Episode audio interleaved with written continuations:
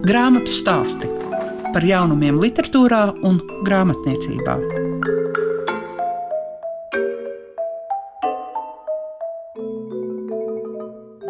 Grāmatu stāstu veidotājs Liegas Piešiņas sveiciens jums ikvienam, kurš klausās šobrīd grāmatu stāstus. Un mēs šodien runāsim par legālu satura lietošanu e-vidē un kur šobrīd var lasīt e-grāmatas.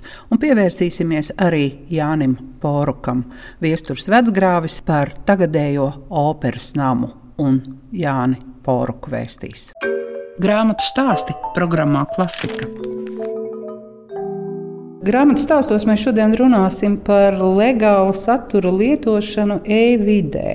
Arī par to, vai īsti ir ar ko lasīt šīs e-grāmatas. Cik nu daudz mēs esam no tiem cilvēkiem, kas tā dara. Vismaz par to, kā tas ir Rīgas centrālajā bibliotekā, mums pastāstīs Vineta Baško, kas ir Rīgas centrālās bibliotekas biblioteku dienesta vadītāja. Kādas tad ir tās bibliotekas lasītāju attiecības ar e-vidi, e-grāmatām. Uz šejieni gluži nenāk, bet nāk reģistrēties bibliotekā tieši ar nodomu, lai lasītu e-grāmatas. Kopš trešā tēva dēla e-grāmatu biblioteka sāka savu darbu 2019. gada sākumā. Bija ļoti liela interese un ļoti daudz lasītāju pieteicās bibliotekā tieši ar domu, lai lasītu šīs grāmatas. Jo, kā mēs labi zinām, tad eh, šobrīd trešā tēva dēla e-grāmatu biblioteku var izmantot tikai publisko biblioteku biblioteku lietotāji. Rīgas centrālās bibliotekas lasītāji ir lielākais lasītāju skaits šajā bibliotekā.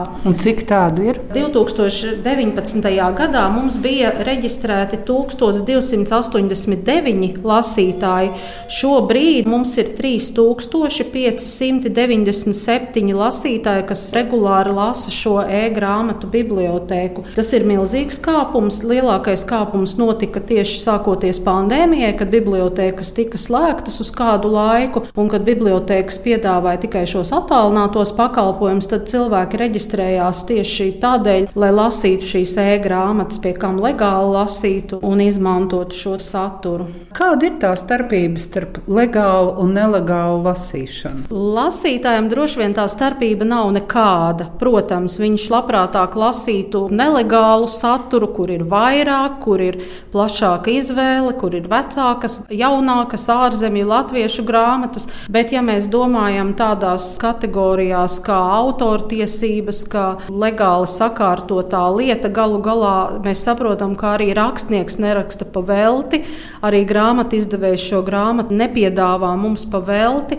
tā ir arī viņu peļņa. Tā kā mēs katrs gribam saņemt algu par savu padarīto darbu, tad nu, būsim godīgi. Šis ir tas veids, kā viņi varētu saņemt šie autori un izdevēji šo naudu. Vai pieprasītā lielākās grāmatas ir vienas un tās pašas, gan tās, kuras ir papīra formātā, gan tās, kas ir e-grāmatās. Jā, mūsu lietotāji izmanto šo iespēju, jā, jo bieži vien uz grāmatām bibliotekās veidojas rindas, tā kā lasīšanas laiks ir divas nedēļas, un ja es esmu rindā desmitais, tad man ir mazāka cerība šo grāmatu saņemt, bet ja šī pati grāmata ir lasāma e-formātā, tad es varu apmeklēt šo e-grāmatu biblioteku un lasīt lasīt viņu uzreiz, šodien, kaut vai tik līdz kā esmu reģistrējies.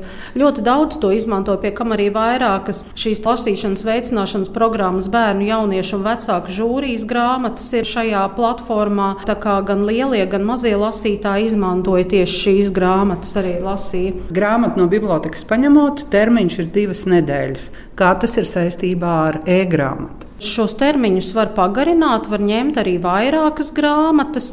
Protams, es nevaru paņemt uzreiz 50 grāmatas, tur ir savi ierobežojumi, bet lietotāji, kas lieto, tur ir skaidri lietošanas noteikumi, tur var ieiet un izlasīt šos noteikumus. Bet nav ierobežojumi. Protams, mēs vienlaicīgi varam paņemt vairāk un lasīt vienu un to pašu grāmatu. Tam gan laikam nav ierobežojumi. Vai tādā gadījumā, ja ir šie desmit pretendenti uz e-grāmatu, Viņi var vienlaicīgi lasīt. Jā, viņi lasa vienlaicīgi šo grāmatu. Jā, protams, galvenais, lai ir uh, viedierīce, galvenais, lai ir interneta pieslēgums, lai cilvēks ir reģistrēts publiskajā bibliotekā Latvijā, un viņš to var darīt no jebkuras vietas pasaulē. Kur ir visbiežāk uzdotie jautājumi no tiem, kas sāk mācīties lietot e-grāmatas? Kā es varu sākt lasīt, kas man ir vajadzīgs, kādi tehniskie līdzekļi man ir vajadzīgi, kā es varēšu to lasīt. Jā, šobrīd to var darīt gan datorā, gan planšetē, gan telefonā, viedtālrunī, visur, kur ir šis interneta pieslēgums. Diemžēl grāmatas eh, nevar ielādēt un lasīt bezsaistē. Tas notiek tikai tiešsaistē, internetā,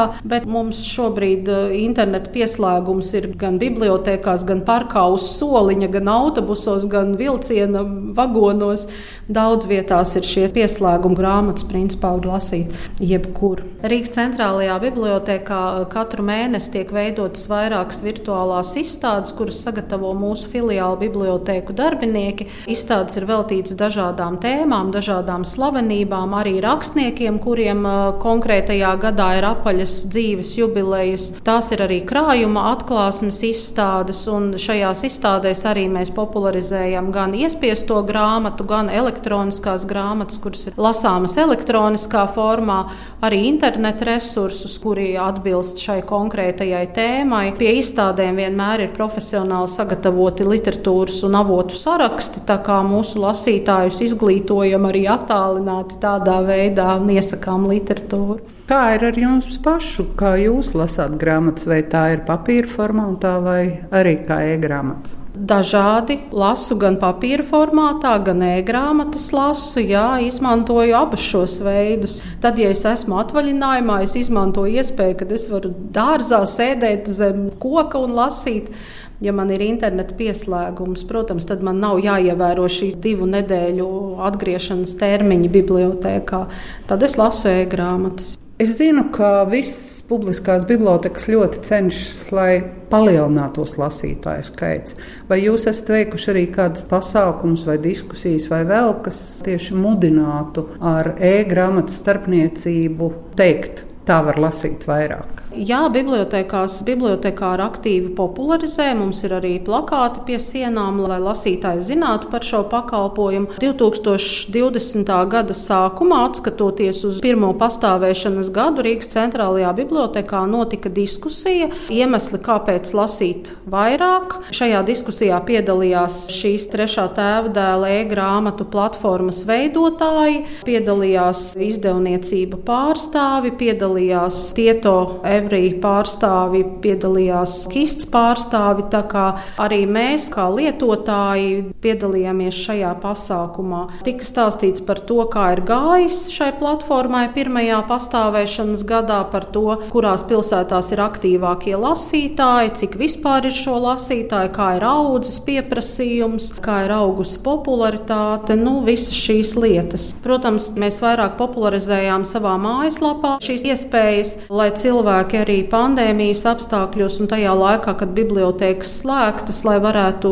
izmantot šo attālinātās lasīšanas iespēju. Mājaslapā regulāri mēs reklamējam. Kā jūs paziņojat par to, ka ir kāda jauna e-grāmata? Tā jau ir tradīcija. Katru trešdienu trīs grāmatas. Tā jau ir tradīcija. Tie cilvēki, kas lieto šo bibliotēku, jau zina, ka trešdienā viņi sagaidīs trīs jaunas grāmatas. Iespēja robežās arī mēs sociālajos tīklos publicējam un informējam lietotājus. Ja ir šīs bērnu, jauniešu un vecāku žūrijas grāmatas, mēs, protams, informējam vēl vairāk savus kolēģus, lai viņi pievērš uzmanību, lai informē savus lasītājus, arī skolas informējam, ja ir tāda vajadzība, ja kaut kas ir tāds aktuālāks parādījies. Šobrīd pēc jaunākajām ziņām 2021. gada septembra sākumā trešā tēva dēla e-grāmatu bibliotekā reģistrējušies gandrīz 15,000 lietotāju. Kopējais grāmatu izsniegums tuvojas 90 tūkstošiem, bet pāršķirto lapušu skaits pārsniedz 45 miljonus. Lasītāji, protams, ir ne tikai Latvijā, bet arī ārpus Latvijas. Arī mums Rīgas centrālajā bibliotekā ir iespēja attālināti reģistrēties. No jebkuras vietas pasaulē cilvēks atsūta elektroniski parakstītu pieteikumu, viņš automātiski kļūst par Rīgas centrālās bibliotekas lasītāju un var lasīt jebkuru gan Anglijā, gan Amerikā, gan kur nu ir mūsu latviešu diasporas. Kurā diennakts stundā visvairāk lasē grāmatas? Ah, jā, tikko septembrī viņi teica, ka vasaras vakaros ļoti daudz lasot un rudens vakaros lasot. Tieši vakara stundās vairāk, acīm redzot, cilvēki atgriežas no darba un tad viņiem ir brīvāks laiks palasīt. Kas ir tā grāmata, kur jūs iesakāt saviem draugiem, paziņām? Varbūt ne tikko lasīt kaut kad agrāk. Pašai man ļoti patika šī sērija Mēs Latvija 20. gadsimts. Noteikti ieteiktu arī jaunāko sēriju. Es esmu, kur labi pazīstami rakstnieki raksta par tikpat labi pazīstamiem klasiķiem, pie kam Rīgas centrālajā bibliotekā šobrīd tiek veidot arī datu bāze šai sērijai veltīta, kur ir plašāka informācija gan par autoriem, kuri raksta šajā sērijā, gan par autoriem, kuri tiek aprakstīti sērijā. Tā kā šī datu bāze šobrīd ir tapšanas stadijā.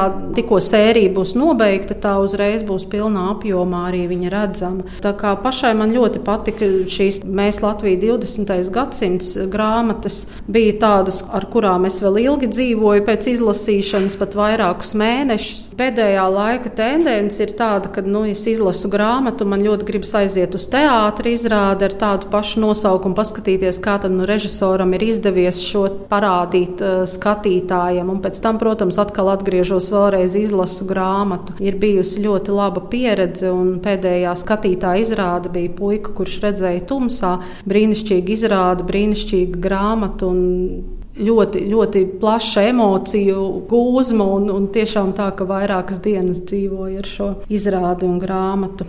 Jā, tas ir Rasas Gāvičutas pēcis radītā pasaule, kas mums parāda pavisam ko citu nekā mēs esam pieraduši. Tieši tā, jā, mēs padomi laika cilvēki, kuri uz ielas ikdienā šos cilvēkus neredzējām. Mums tas vienā brīdī, 90. gados, bija liels kultūra šoks, kad viņi pēkšņi iznāca un kad mēs redzējām, ka arī šādi cilvēki ir. Jaunieši jau to uztver daudz vienkāršāk un pilnīgi saprotam, un bērniem tā ir ikdiena. Viņi jau pieraduši sadzīvot runājot ar šiem cilvēkiem, kuri varbūt izskatās, kustās, domā savādāk, bet padomju laika pilsoņiem tas ir liels kultūras šoks. Grāmatu stāsti programmā Klasika. Pie tikko dzirdētā pie Vinetas Baško stāstījuma par legālu satura lietošanu e-vidē vēl gribu piebilst, ka Igaunijas valodā Teju teju ir iznākušas divas latviešu autoru grāmatas. Viena, ko pieminēja Vineta, tas ir Rasas Bigāvičutas pēces grāmata Zēns, kas redzēja tumsā, un arī Ieva Samauska par skaļo klasi var priecāties, ka tā ir iznākusi Igauņu valodā.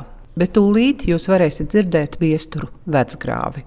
Viņš rīt, vai tu zini, ka atbildēs uz jautājumu par Jāni Poruku, kurš bija viens no pirmajiem latviešu literātiem, kuri pieslēdzās pasaules literatūras procesiem un savā laikā nofiksēja to, par ko rakstīja tādi pasaules slaveni autori kā Knuts Hamsuns, Moris Māterlings, galvenokārt arī Frans Kafka, proti, kas notiek ar cilvēku pārmaiņu laikos. Bet grāmatu stāstos mēs ļausim viesturu vecgrāvi aizvest mūs uz operas namu. Un tie, kuri jau ir izlasījuši Ingas Žaludas Vendenes lotus puķi, zina, ka ar mūziku Jānim Porukam bija ļoti labas attiecības. Ļausim, lai viesturs mūs aizved uz operu. Tagadējā Latvijas operā kādreizējais vācu teātris ir tas, kur Jānis Poruks pirmo reizi dzirdēja liela mērogā suģestējošu klasisku mūziku. Noteikti daudziem ir zināms, ka Poruks pēc Sēsu pilsētas skolas absolvēšanas sāka mācīties Rīgas Politehnikumā priekšskolā, dzīvoja dziļāk no vecrīgas un tālāk no vecrīgas, bet vairākos savos darbos Poruks ir aprakstījis tās vietas, kuras Rīgā viņam ir pazīstamas un tuvas. Un viena no galvenajām vietām ir toreizējais Vācu teātris. Toreizējais vācu teātris ir tas, kurā dodas arī daudzi latvieši, jo tolaik inteliģenti zināja pietiekami labi arī vācu valodu, bet Poruks šo pirmo ierašanos Rīgas vācu teātrī ļoti detalizēti apraksta savā īsromānā Pērļu zvejnieks, kurā darbojās Poruka alter ego Ancis Vairoks. Un šis Ancis Vairoks pēc tam, kad ir nokārtojis iestāju eksāmenus Rīgas pilsētas politehnikuma priekšskolā. Kādu vakaru savā vientuļā istabiņā jūtās diezgan pamests un nolēma pastaigāties pa Rīgas centru. Pērļu zvejniekā Poruks raksta, ka Ancis Vairoks aiziet uz Vērmaņa parku, pastaigājās par Vērmaņa parku, bet cilvēku drūzma Vērmaņa parkā viņu nobaida un pa Aleksandra bulvāri Ancis Vairoks dodas uz Rīgas vācu teātri. Viņš pajautā, ko šajā vakarā uzved, saņem atbildi, ka tā ir Wagnera operā Tankaizers. Par Wagneru Ancis Vairoks neko nav dzirdējis. Viņš nopērk biļeti. Biļeti nopērk, protams, otrajā balkonā, tā kā jātaupa naudiņā un tad pārsteigts klausās šo Wagnera Tanheizera iestudējumu. Ko no šī Tanheizera iestudējuma Poruks paņem? Poruks paņem to, ka viņš pirmo reizi dzird liela mēroga klasisko operu. Tādu klasisko operu, kurā cilvēka emocijas ir parādītas ļoti sāsināti un ļoti spilgti, kurā ir ļoti būtiska cilvēka pašizaugsmes tēma, kurā ļoti būtiska ir mīlestības tēma, un Poruks raksturojot šo iespēju no Tanheizera izrādes Pērļu zvejniekā rakstā šādi. Tanheizers par spīti visiem cilvēku lāstiem ir atpestīts, atpestīts ar patiesību, kuras aizstāvētājs viņš centās būt. Un te es gribētu teikt to analoģiju. Poruks ir ļoti ietekmējies arī no citām Vāgnera operām.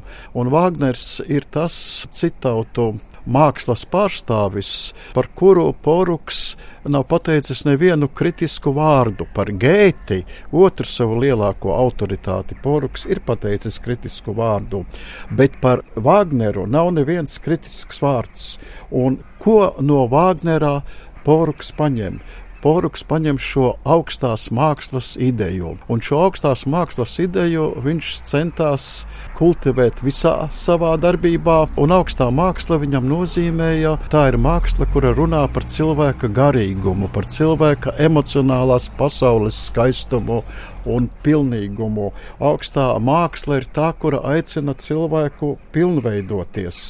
Nu, un, protams, augstā māksla ir tā, kura apdzied arī cilvēka mīlestību, cilvēka emocionālo pasauli. Rīgas vācu teātris tagadējā operā Porakam ir tik mīļa, ka jau 1894. gadā vidū, tad, kad viņš ir burtiski pirms mēneša atbraucis no Dresdenes uz Rīgu, viņam piedāvā uzrakstīt recenziju par eh, Gētes Fausta uzvedumu Rīgas Vācu teātrī. Poruks uzraksta ļoti atzinīgu recenziju par šo uzvedumu, piebilstot gan, ka latviešu skatītājs atšķirībā no vācu skatītāja vēl nav pieradis pie Fausta mērogiem. Rīgas vācu teātri Poruks apmeklē arī pēc tam vēl daudzas reizes, raksta recenzijas par vācu teātrī dzirdētajām operām, par Mocarta burvju flautu, par Osinī Seviļas bārdzini, par zviedru dziedātājas Arnoldsenas koncertu. Un viena no pēdējām recenzijām, ko Poruks raksta par eh, vācu teātra izrādēm, ir par Vāgnera operu ciklu Reinas zelts. Un tā kā šī viena no pēdējām recenzijām ir rakstīta 1903. gada vidū, tad es ļoti pieļauju, ka tā varētu būt recenzija vai izrāde, precīzāk runājot, kuru Poruks varbūt ir apmeklējis kopā ar e, savu dzīvesbiedri Ernestīni, jo tajā laikā Ernestīna dzīvoja Rīgā, un man liekas, te veidojas tāda ļoti interesanta sasauce Poruka mīlestībā uz Vāgnera operu drāmām, un Poruka mīlestība uz viņa dzīves biedri Ernu. Poruks ir ļoti daudz Ernai vēstulēs rakstījis par Vāgneru, uzsvēris, ka Vāgners ir viņa mīļākais komponists, un pat uzsvēris arī to, ka viņām sievietes mīlestībā asociējās ar Izoldes mīlestību pret Tristanu, un Poruks pat vēstulē Ernai ir ierakstījis tādus vārdus: Tu taču būsi manā izoldē, tev jābūt manai izoldei. Citiem vārdiem es gribētu uzsvērt, ka Rīgas vācu teātris ir tas, kas Porukam devis šo augstās, dievišķās, sakrālās mākslas kritērijus, un šis teātris ir tas, kura izrādes un operu uzvedumus, recenzējot, Poruks varēja parādīt savu perfekto erudīciju par eh, pasaules mūziku. Poruks kā mūziķis lielā tiesā realizējās ne tik daudz kā komponists, kaut gan viņš ir komponējis dažas dziesmas, bet kā mūziķis viņš tiešām realizējās šajās recenzijās par Rikardu Vāgneru, kurā operas klausījās Rīgas Vācu teātrī. Izskan grāmatu stāstī. Šīs dienas raidījumā bija par legālu satura lietošanu e-vidē, un kur šobrīd var lasīt e-grāmatas, kā arī dzirdējām viesturu vecgrāvi, kurš stāstīja par Jāni Poruku un tagadējo operas namu. Visu labu jums saka Liega Piešiņa. Grāmatu stāsti par jaunumiem literatūrā un grāmatniecībā ik trešdienu, 9.5. ar atkārtojumu Svētdien, 18.15.